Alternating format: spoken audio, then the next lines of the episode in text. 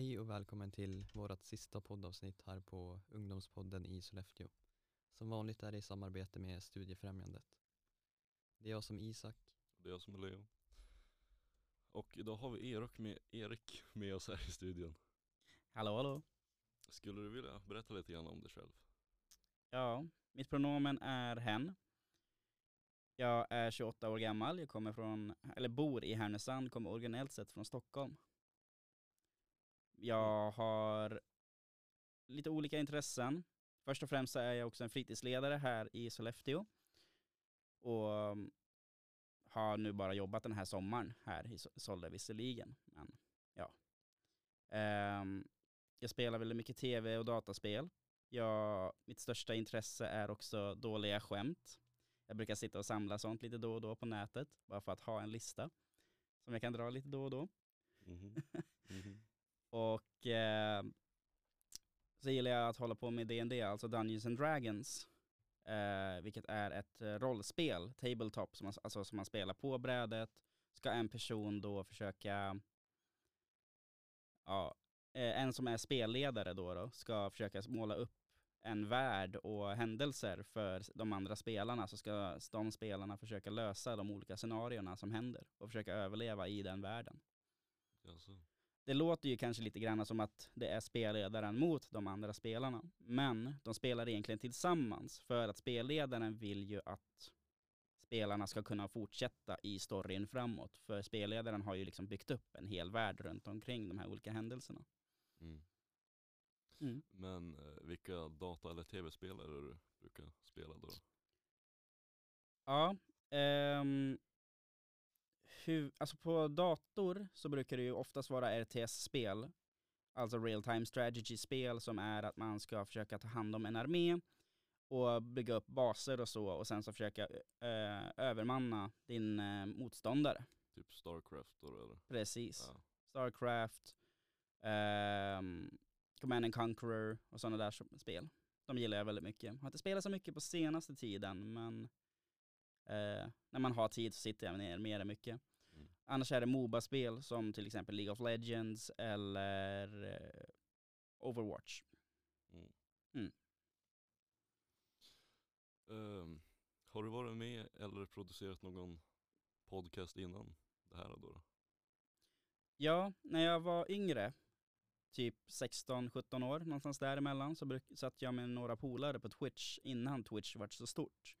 Mm. och producerade några få avsnitt liksom live.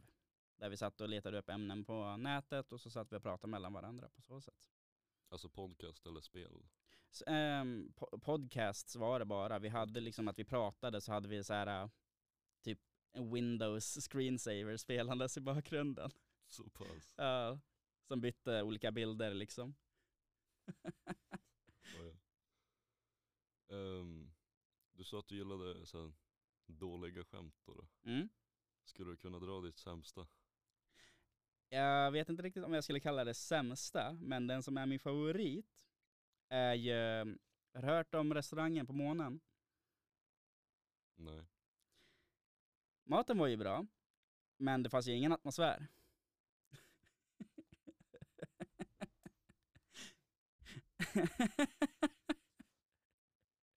ja, ni som lyssnar ser ju inte det, men det, jag får ju en blick av Leo som, in, som är det jag lever för när man säger de här skämten.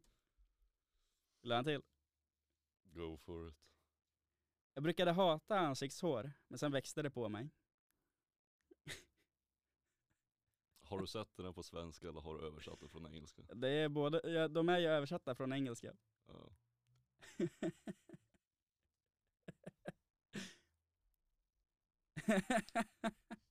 ja, ska vi fortsätta? Ja, eh, anyway. Så nu blir det så lite mer fem snabba frågor då. då. Mm. Ehm, favoritserie?